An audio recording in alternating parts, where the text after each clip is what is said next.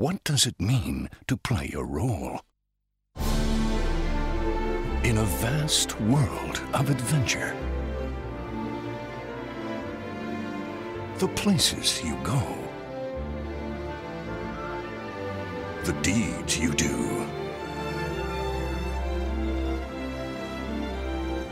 the heroes whose tales you bring to life. Every road is yours to take.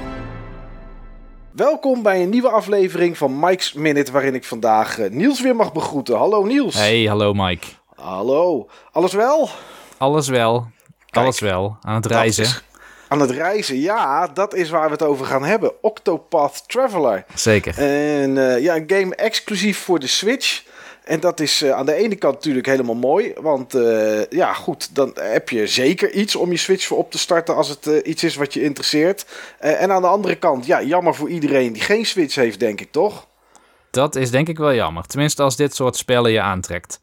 Ja, Octopath Traveler is een RPG en ik denk wel eentje die we kunnen bestempelen als een klassieke RPG. Ik weet niet, als je iets zou moeten pakken, Niels, van vroeger, waar zou je het mee vergelijken? Met welk voor soort game? Ik zou dan toch in richting de Super Nintendo Final Fantasy games denken. Ja, ja. Ja, dat is het inderdaad wel. Het is een, eh, een RPG gemaakt door het eh, team van Bravely Default. eh, uitgegeven, nee, niet uit, ja, uitgegeven in Europa door Nintendo, maar gemaakt door Square.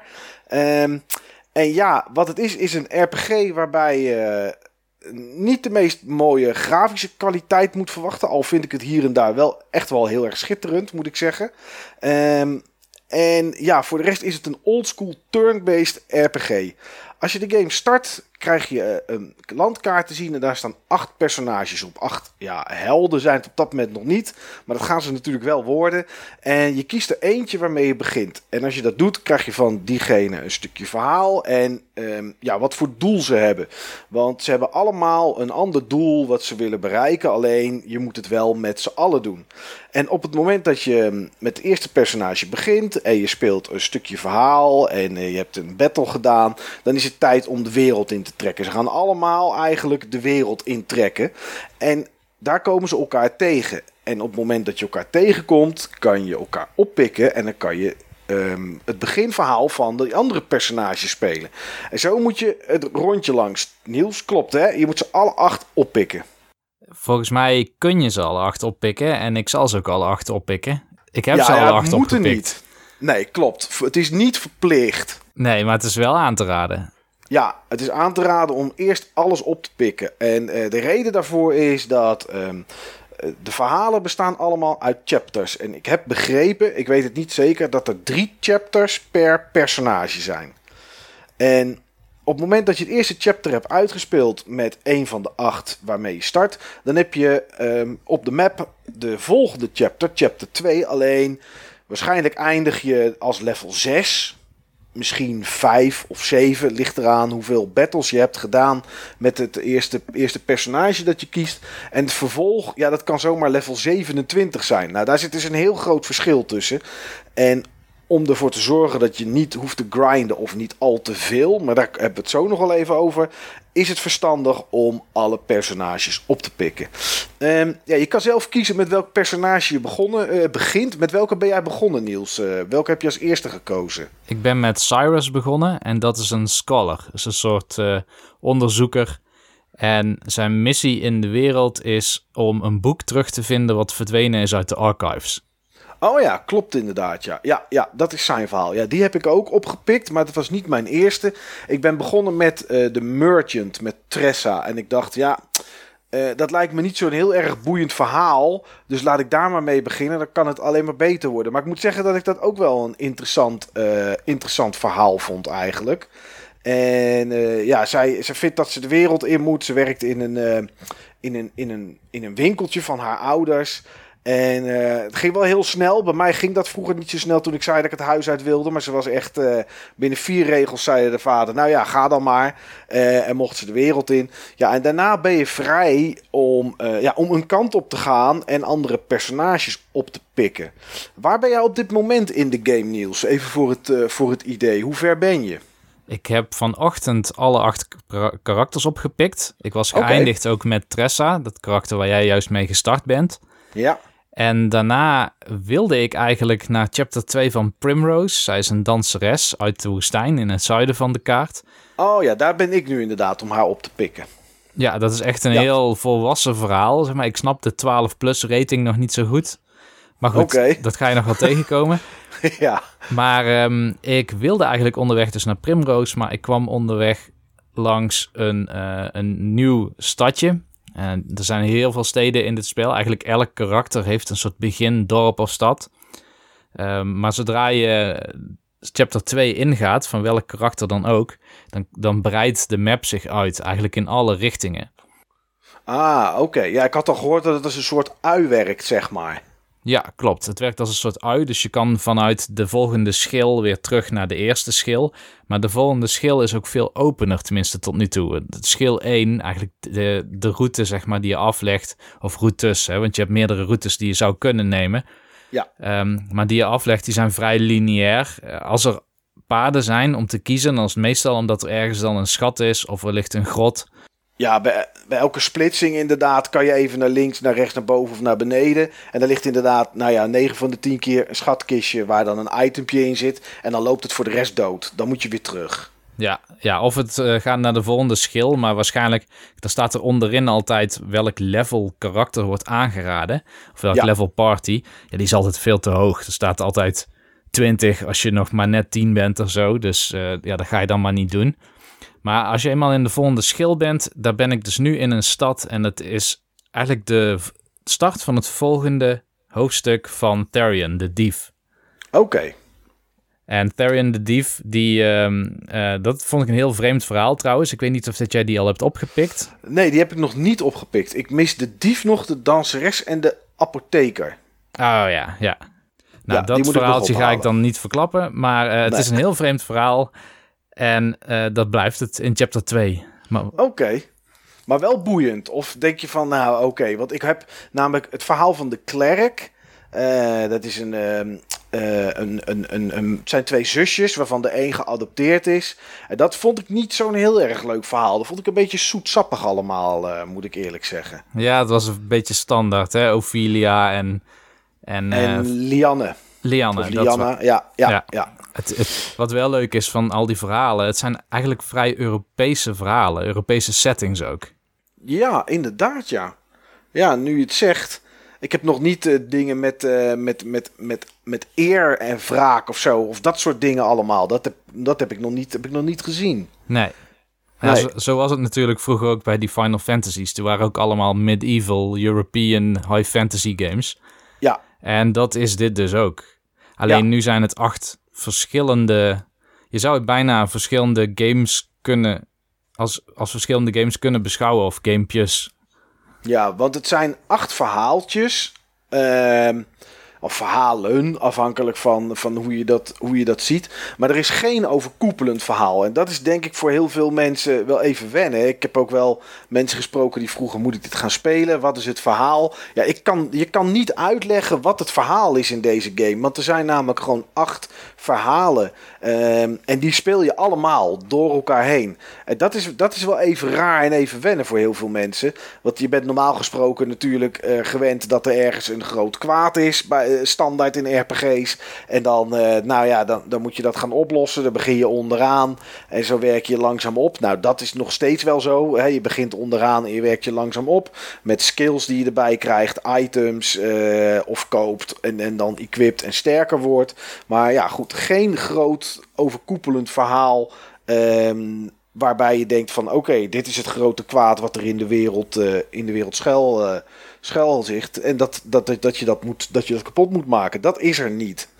Maar er is wel verbinding, hè, Niels, tussen die personages. Al lijkt dat in het begin niet zo.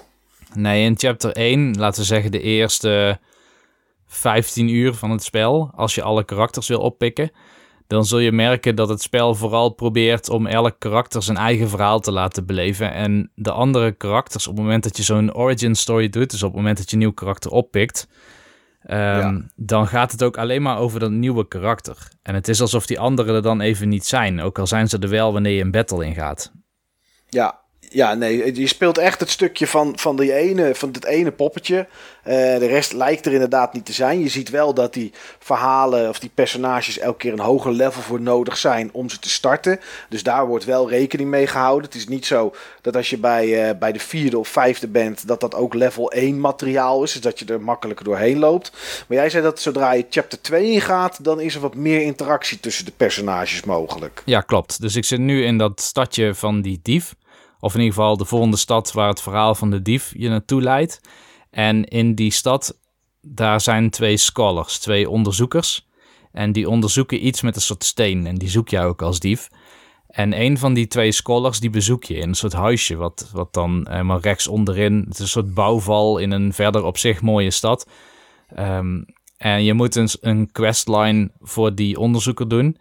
Maar op het moment dat je dat huisje uitkomt, wanneer je die questline hebt gedaan, dan uh, staat er bijvoorbeeld rechtsbovenin een plusje in het scherm. En als je dan op drukt, dan gaan karakters uit jouw party met elkaar praten over wat er zojuist is gebeurd. En dat is dus helemaal Ah. afhankelijk van welke karakters je überhaupt hebt.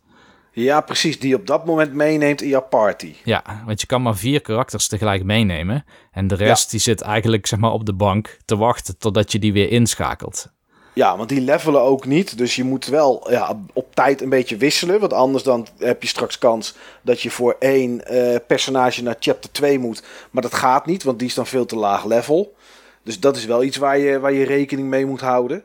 Ehm, Oké, dus daar is op dat vlak is er wel interactie met elkaar. Dus dat is op zich wel goed voor de mensen die daar, eh, die daar naar zoeken. Ja, en dat is ook iets wat reviews meestal niet noemen. En misschien is het omdat er een hele korte tijd is geweest om de games ook te spelen.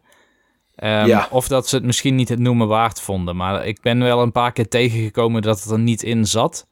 Maar het zit er best wel veel in, in chapter 2. Oké, nou dat is in ieder geval wel, eh, dat is in ieder geval wel tof.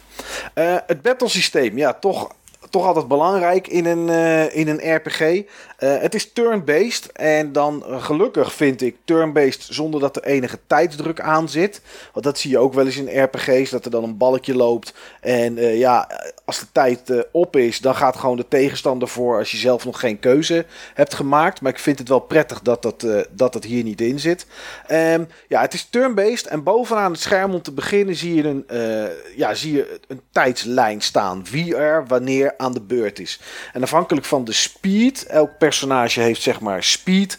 Ehm, afhankelijk daarvan kan je, eh, kan je eventueel ervoor zorgen dat eh, poppetjes meerdere keren in een beurt aan eh, hun ding kunnen doen.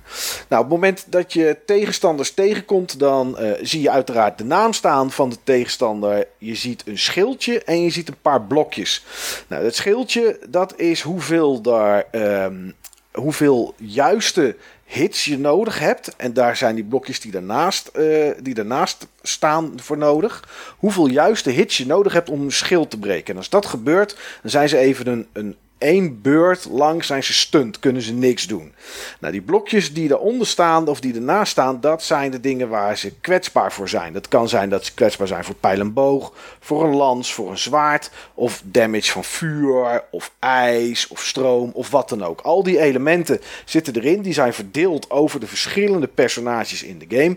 En ehm, ja, het is aan jou om uit te zoeken welke welke tegenstanders kwetsbaar zijn voor welk eh, type wapen of element. En als je dat weet, dan kan je erop inspelen om ze heel snel die schildjes af te pakken, zodat ze stunt zijn. En dan kan je meer damage doen. Wat vind je van dit systeem, eh, Niels? Want ik vind dit wel een leuk systeem, moet ik zeggen. Ja, ik vind het ook heel erg leuk. Het lijkt ook heel erg op de, de, de gameplay van Shin Megami Tensei. Dat noemen ze daar press turn. En je weet van mij dat ik dat echt heel erg leuk vond. Ja. En dat ik dat Ja. ook speelde voor de gameplay. Ehm, het doet me ook een klein beetje denken aan Bravely Default. En een klein beetje denken aan eh, Radiant Historia, wat ook een van mijn favoriete games is.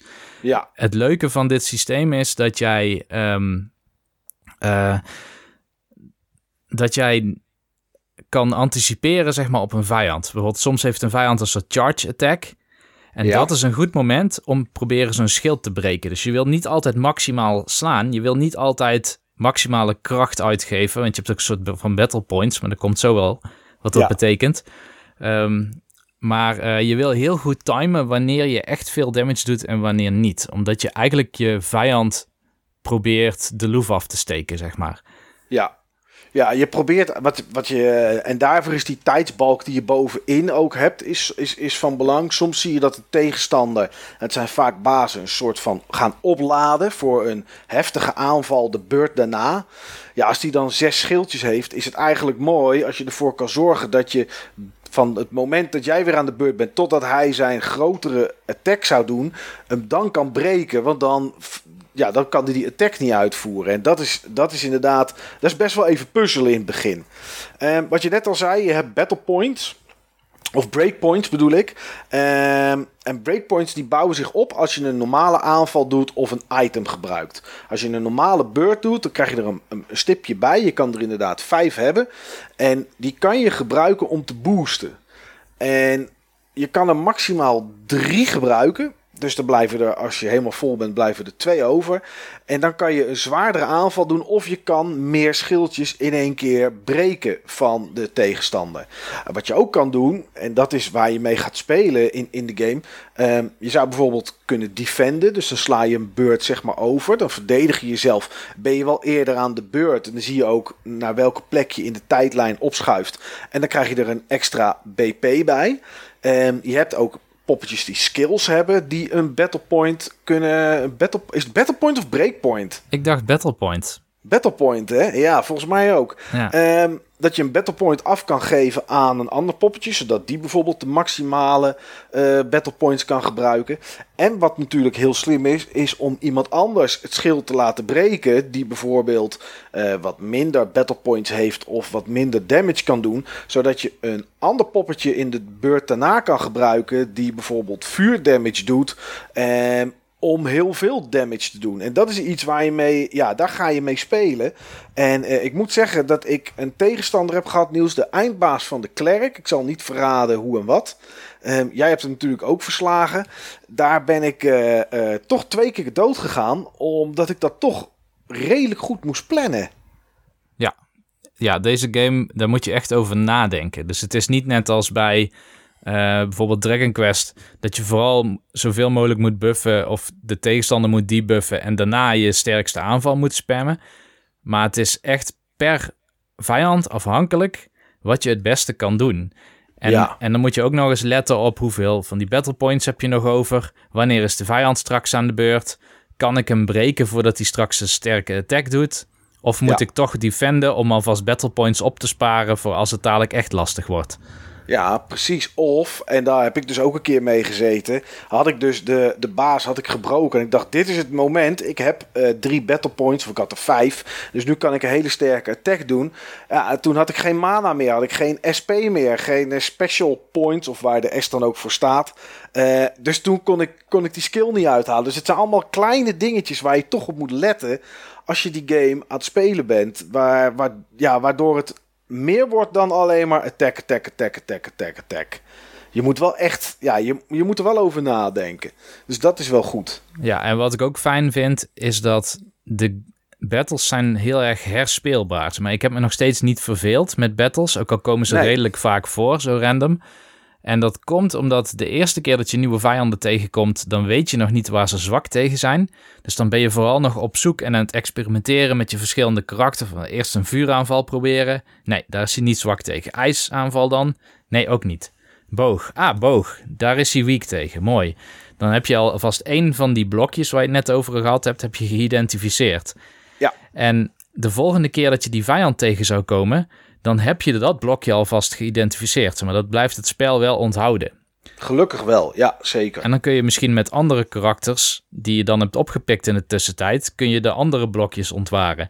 Dus dat is leuk in het begin. En uh, als je de vijand steeds vaker bent tegengekomen, dan wordt het eigenlijk het ontdekken naar de optimale manier om de vijanden te verslaan. Want stel je kan ze verslaan zonder dat ze ooit iets hebben terug kunnen doen, dan krijg je ook weer bonus XP en extra geld en zo ervoor.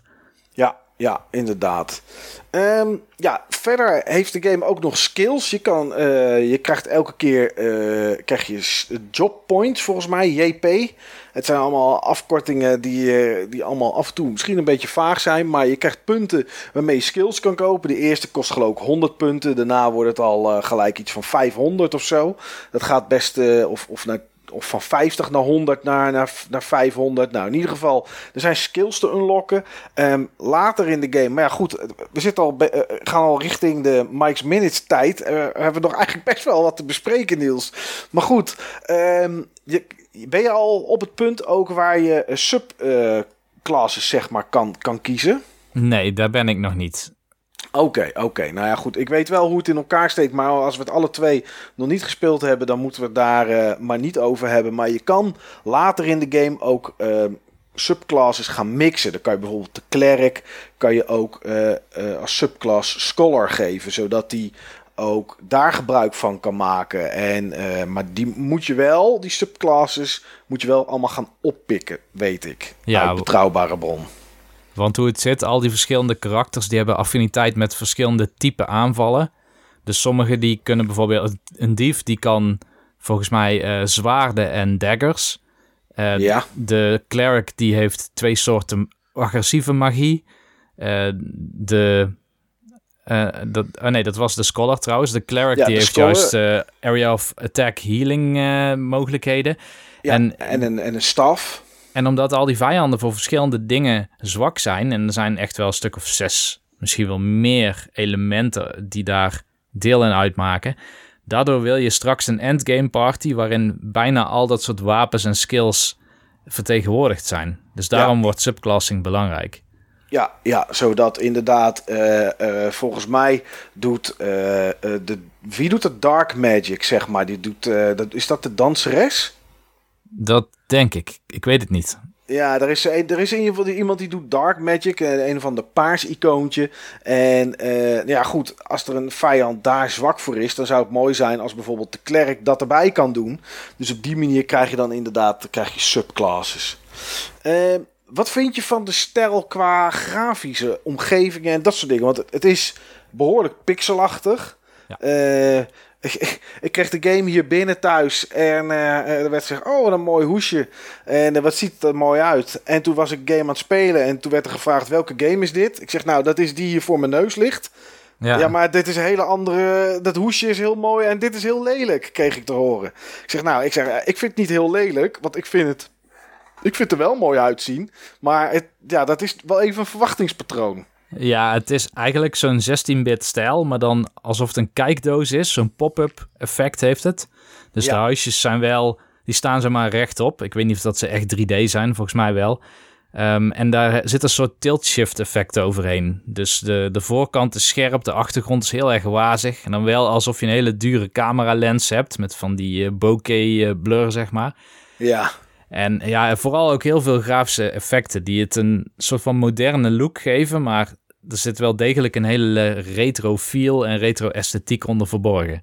Ja, je ziet bijvoorbeeld als je dan ergens loopt waar, een, waar de oceaan op de achtergrond is, zie je het wel echt zo glinsteren van de zon. En je ziet het dan ook dijnen en dat soort dingen allemaal. Maar toch zijn het pixels, zeg maar, eh, duidelijke pixels waar je naar zit te kijken met de poppetjes en dat soort dingen. En dat is wel, uh, ja, ik vind het wel een aparte stijl. Ja. Het e-, enige waar ik wel last van heb, um, is dat de performance niet altijd even goed is. Best wel vaak wat stotteren en haperen.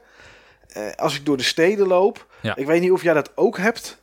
Nee, zeker. Dat heb ik ook.